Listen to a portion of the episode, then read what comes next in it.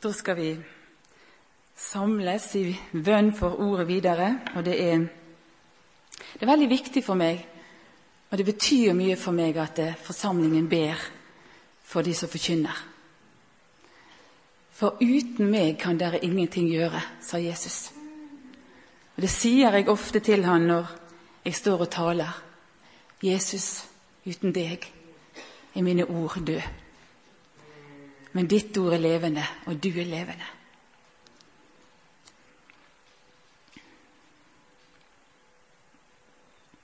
Ja, kjære Jesus, jeg takker deg for alt det du har minnet oss om i kveld. Jeg takker deg, Herre, for det er virkelig sant at du kan ta bort brystsmertene åndelig sett. Du kan sette hjertet vårt i stand. Du, Jesus, kan frelse oss. Vi kan ikke frelse oss sjøl. Vi kan ikke berge oss sjøl, sjøl om vi prøver aldri så hardt. Men vi kan få gi deg våre tomme hender, og så kan du ta deg av oss, Jesus. Så må du velsigne ordet ditt fortsatt, for meg og for den enkelte som lytter. Amen.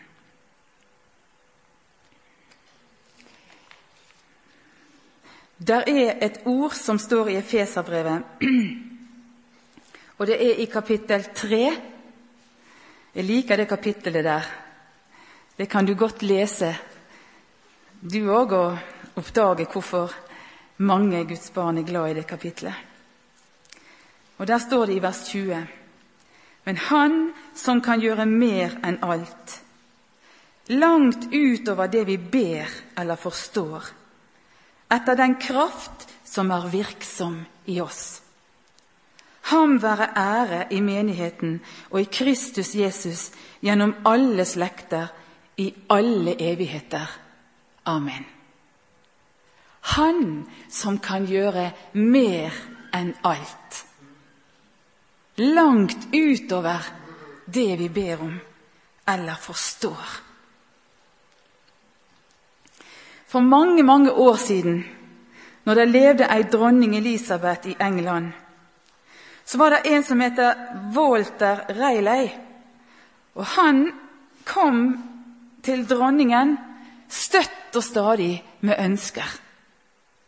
Og ba om hjelp, og ba om midler, og ba om alt mulig.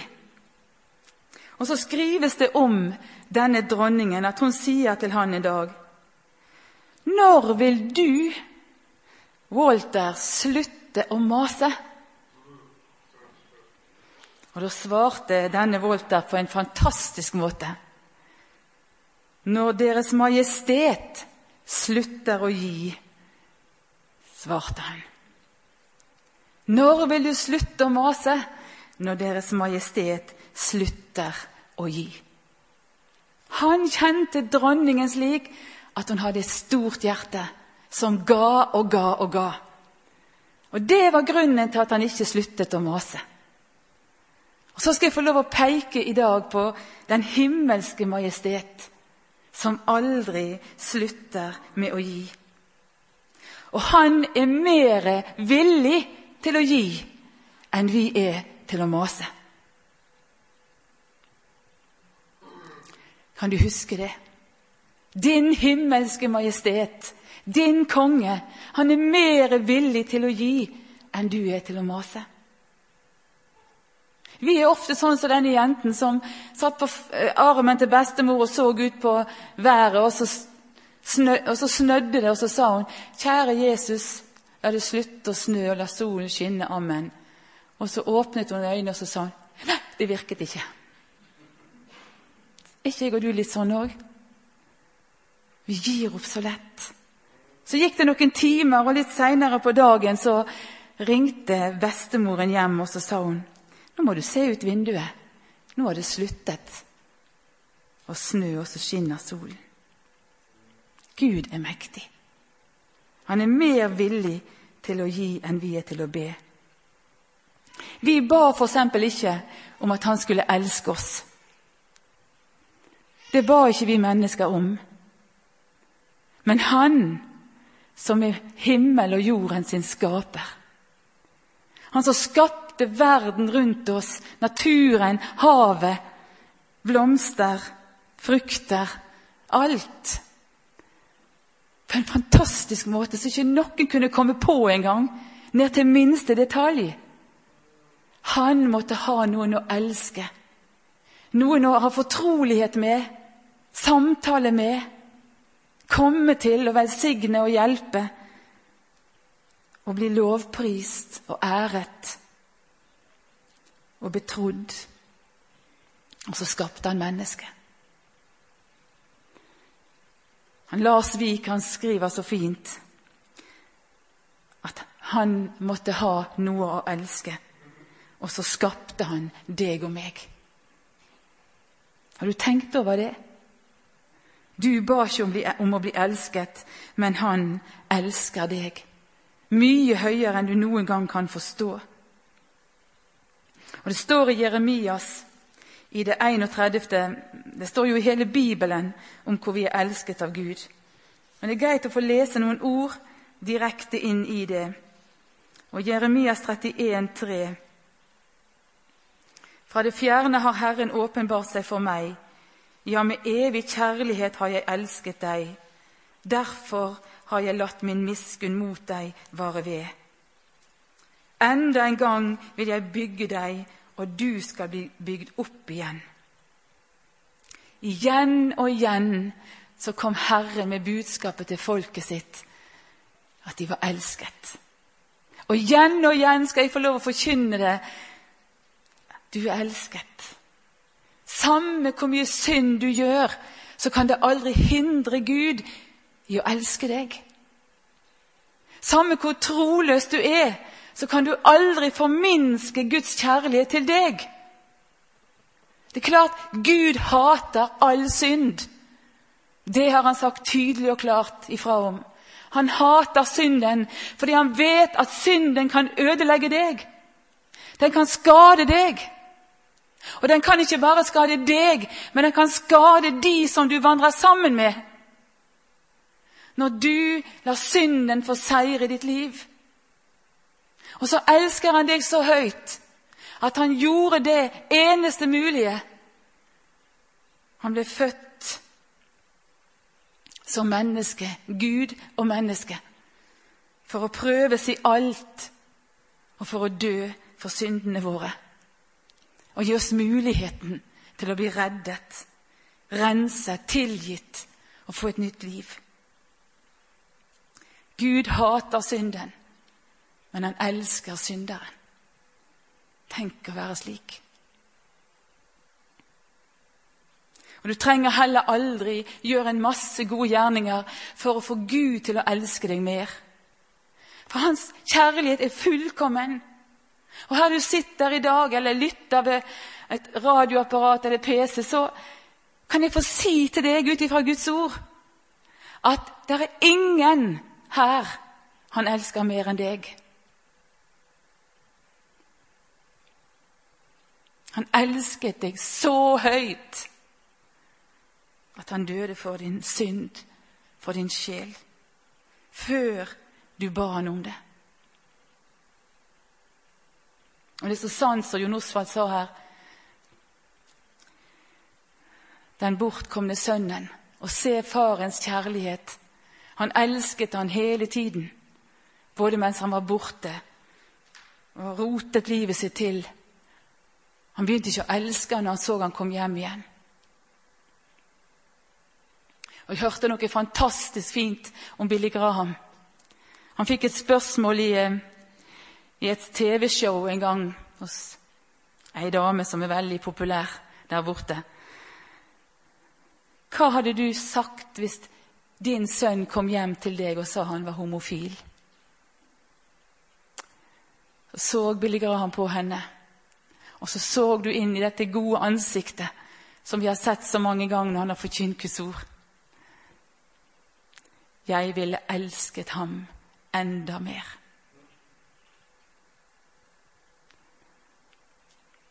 Jeg vet det, for jeg er mor. Du vet det, for du er mor eller far. Når noe vondt skjer med ditt barn, så er det mye bedre det hadde skjedd med deg for du har så lyst til å spare dem for smerten. Sånn er kjærligheten.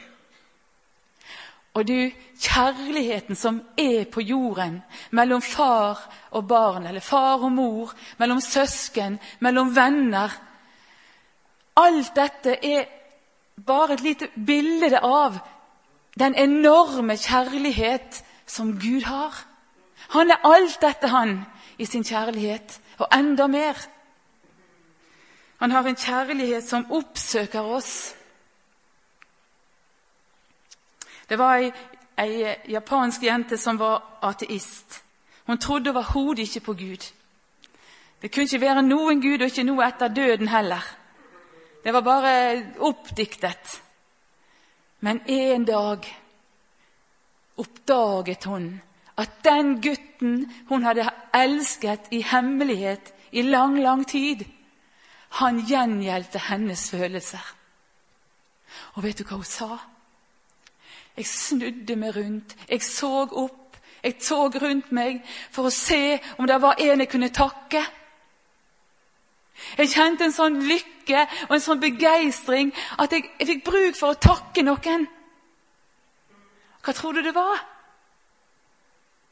Det var et åndelig vesen som oppdaget at hun var skapt med et behov etter å tilbe sin Gud men hun visste ikke om det før hun fikk sitt største ønske oppfylt. I dag har vi hørt om engler på formiddagsmøtet. Vi har hørt om engelen Gabriel som ble sendt til Maria med budskapet som satte henne i bevegelse, og hele verden i bevegelse. Og det står faktisk i Salme 91 og vers 11 at Herren har gitt sine barn englevakt. Enda vi ikke har bedt om det, så har han gjort det. Salme 91.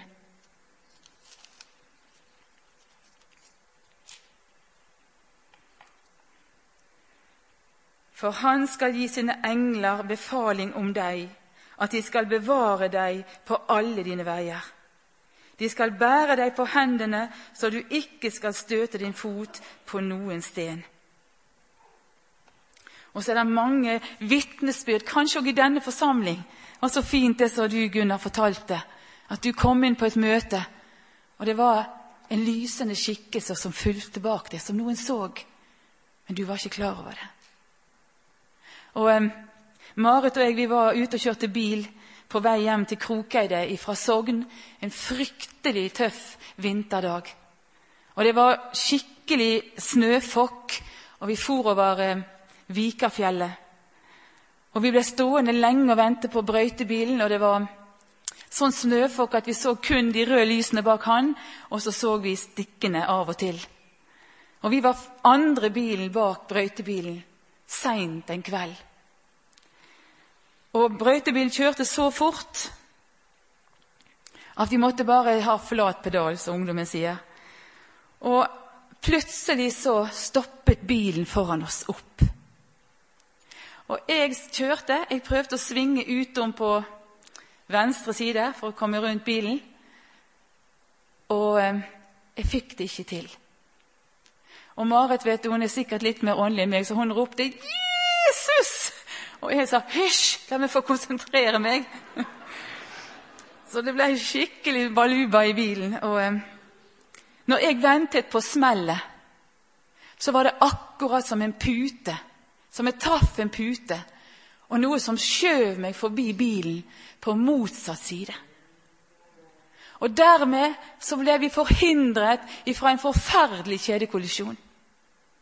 Slik at alle bilene bak oss de kom etter meg. Og vi kom oss trygt hjem og ned av fjellet. Og når bilen stoppet på Krokeide, så ble det en enorm bevegelse i nabohuset. For der bodde ei som vi kalte Sofie, og hjemme hos Jesus nå. Men hun hadde gått med en forferdelig angst hele dagen. Og Det ble verre og verre utover kvelden, og det var Marit og Irene som er i stor fare. Så hun ropte til Jesus du må beskytte dem, du må bevare dem, du må passe på dem, du må sende englene dine og passe dem på veien. Og når hun så bilen sto nede ved låvedøren på Krokeide, så priste hun Jesus. Og så fortalte hun historien sin dagen etter, og vi fortalte vår. Du har englevakt, hvem du enn er, så sant Jesus får lov å være din frelser. Og har du bønnebarn, så er jeg overbevist om at Gud òg har sendt englene og bevart bønnebarna dine nettopp fordi du ba. Og det er ikke sikkert du får svar på det før du er i himmelen.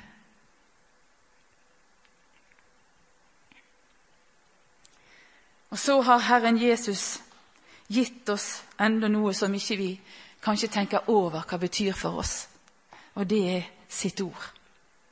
Bibelen. Og Jo lenger jeg lever som en kristen, jo mer ser jeg at Bibelen er den aller, aller beste veiviser for livet. Den er dagsaktuell. Den går aldri ut på dato. Og gamle ord blir som nye. Igjen og igjen og igjen. Og På Lyngdal en sommer så spurte jeg ut på et barnemøte hva, hva er forskjellen på NAF-boken og, og Bibelen. Rettet jeg opp begge to, og så var det en gutt nede i salen som svarte. NAF-boken den viser vei i Norge og, og eh, for veiene, mens Bibelen navigerer deg gjennom livet. Herlighet, tenkte jeg. Han var en god bestefar eller far som kan snakke slik. Han var vel tolv år. Bibelen geleider deg gjennom livet. Den gutten blir predikant, altså. Jeg forstår ikke noe annet. Men det var fantastisk, og det har gledet meg. Og, og hvis du som er ung, eller hvem du enn er, hvis det er ting du lurer på, hvis du ønsker et svar fra Gud, så skriv www.bibelmix.no. Der står det bibelord du kan slå opp og lese for kjærlighetssorg, for hva du skal bli når du har syndet, når du er sint og bitter, når du er deprimert, når du ikke ser lysning, osv. osv. Men du kan også lese en salme i Bibelen. Eller Markusevangeliet, eller noen jobbsbok, f.eks. Det er mye spennende der for en som har det vanskelig. Men salmene kan òg være bønner du kan be. På den måten så bærer Jesus deg ved sitt ord og geleider deg gjennom livet. Og Hvis du er redd for at du har tatt feil valg, så er det en god nøkkel jeg kan få gi deg. Hvis du har tatt rett valg, så det er fred i hjertet ditt, og du kan møte Guds blikk. Du kan be trygt. Og du kan òg kjenne stadfestelse gjerne i, i livet etter veien du går. Hvis du har valgt feil, så vil du kjenne en ufred inni deg. Og du vil òg oppleve det vanskelig å møte Guds blikk og ha fred i bønnen. Det vil være noe som gnager deg. Sett din vei i Herrens hånd og stol på Han, så griper Han inn. Jeg vil si det så sterkt at bibelordet er livsnødvendig for at du skal bli bevart som et Guds barn. Og nå I vår tid så kan ikke vi si bare det at du må ha en bibel på nattbordet. For mange har bibel på iPhonen sin eller på databibelen, eller de har den på øret på vei til jobb når de er ute og trimmer, ute og sykler eller går. Men Guds ord er det samme uansett hva måte du leser det på eller får det inn i hjertet ditt. For bibelordet er Guds måte, Jesus sin måte, å bevare det på. Og hvorfor er det det? For Jesus er Ordet. I Ordet bor Han. I Ordet er Han. I Ordet virker Han. Og det ord som du leser, og det ord du hører, det er levende. Det har kraft i seg. Og det er ikke mer enn noen dager siden jeg satt sammen med et menneske som ikke hadde følelse i sine føtter. Har ikke kjent beina sine på et år. Så leste vi Guds ord, og så brukte vi denne salveflasken og tok litt olje og tegnte korsets tegn på panna og ba for henne og for sykdommen. Og Så gikk det tre dager, og så gikk hun på sine egne bein til time med fysioterapeuten. Og så brast de i gråt, pleierne. Og så sa de 'Dette er jo bibelsk'. Ja, det er det. Du aner ikke hva krefter som virker gjennom denne boken. Og du må åpne den så ofte du kan. Og du må bruke den på deg sjøl, i heimen din, for barna dine. Herlig å høre, Synnøve, om at dere sa 'nå går vi på møte'. Det er sånn det er. For det er ikke alltid barna vet sitt beste. Men vi vet det.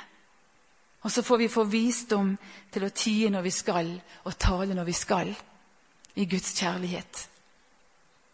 Guds ord, det er en fantastisk gave. Og i dette ordet så leser vi om fremtiden vår, om hva som skal skje etter i dag. Det var en kar som kom inn på en, en um, kristen bokhandel, Tabernakelet sin bokhandel, for mange år siden. Han skulle ha en bibel. Han så ikke akkurat ut som at han eh, ville ha en bibel. da. Han var ganske svartkledd og tydelige signaler om at han var borti okkulte krefter. Og så sier hun 'Å ja, det var fint at du ville kjøpe deg en bibel'. Så kom det så sterkt ifra han. Ja, når de kristne, når Antikrist står frem, og de kristne er borte, da vil vi vite hvordan vi skal rule verden. For der står i Bibelen hva som skal skje. Det er utrolig sterkt. Og så har vi VG, som vi fleste av oss er inne på en gang for dag. Gjerne og ser hva som skjer ute i den store verden. De kan fortelle det som skjer nå. De kan sladre om andre menneskers tragedie. Men denne boken den forteller oss hvordan menneskers tragedie kan bli rettet opp igjen. Hvordan syndesår kan bli lekt. Hvordan håpløshet kan bli glede og takknemlighet og lykke. Og ikke bare det, men Bibelen er balsam for såret sjel. Mennesker som er hardt prøvet, de opplever at Bibelen og ordet der, det bærer de gjennom prøvelsestider. Og Det er jo utrolig når vi leser om disse som blir fengslet i Kina, hvordan de river blader fra Bibelen og skriver av og leser og pugger utenat. For de kjenner hvordan ordet har kraft og gir dem glede og trygghet. Jeg reiste på leir som elleveåring, og der var det en lærerleder som sa Be, Herre, åpne du mitt øye, så jeg kan se de underfulle ting i din lov. Og jeg reiste hjem og ba den bønn. Og jeg forsto ikke bæret. Jeg las og jeg las og skjønte ingenting, og jeg ba og jeg ba. Og jeg begynte å lese i mormors bibel det som var strikket under, og det forsto jeg. Frykt ikke, for jeg er med deg. Enkle frelsesord. Men i dag skjønner jeg hvorfor jeg skulle lese og be den bønnen. Aldri visste jeg hvor bruk jeg hadde for at Herren skulle åpne mine øyne, så jeg kan få se det som står i Hans ord. For det ble mitt kall. Og så skal du få, før vi går mot avslutning, så skal du få høre det ordet som Sofie fikk når hun ba for meg som småjente. Hun som ba for bilen og for reisen. Hun fikk det ordet som står i Jeremias 58, 11.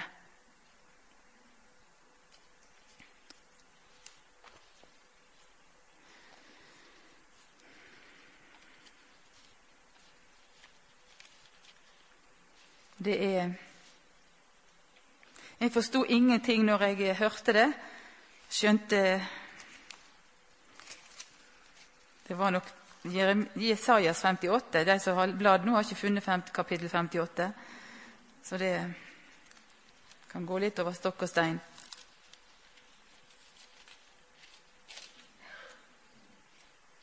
Så sa hun det til meg. 'Irene, jeg har bedt for deg at Jesus må lede deg gjennom livet.' 'At du må få lov å følge hans vei.'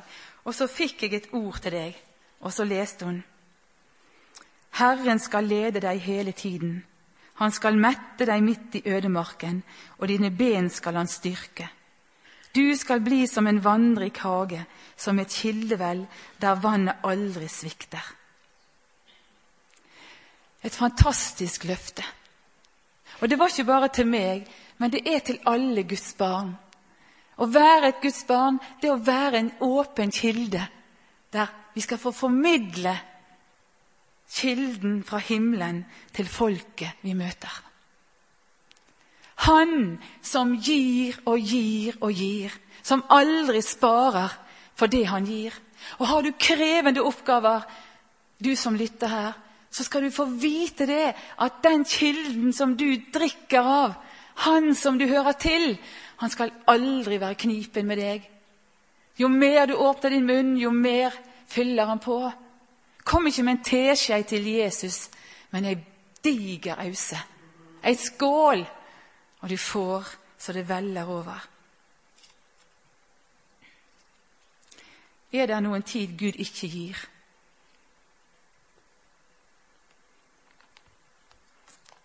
Er det noe tid? Ja, det står at deres misgjerninger har gjort skilsmisse mellom dere og deres Gud, så han ikke hører.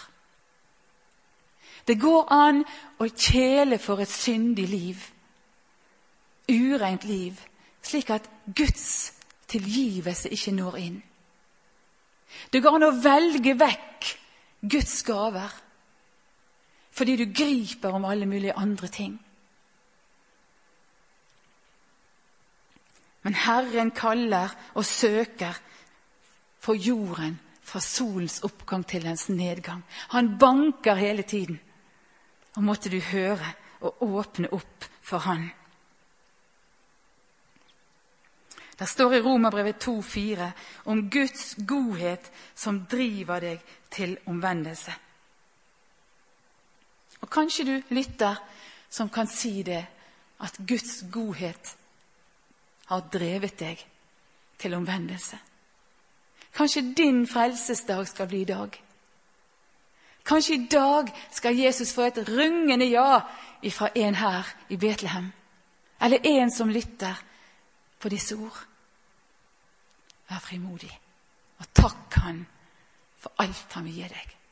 Og be om å få bli så raus med andre som Han er med deg. Herre Jesus, jeg takker deg for dine gaver. Og jeg takker deg for du har gitt gaver til oss her i Betlehem. Jeg takker deg, Jesus, for din godhet og din nåde. Og jeg ber om at du må fortsatt tale til oss, sånn som bare du kan. Peik på de ting i våre liv som vi må gjøre opp med deg, så du kan rense det bort og løse, fra, løse oss fra det. Peik på de veier vi skal gå, og vis oss den vei du har tegnet opp. Amen.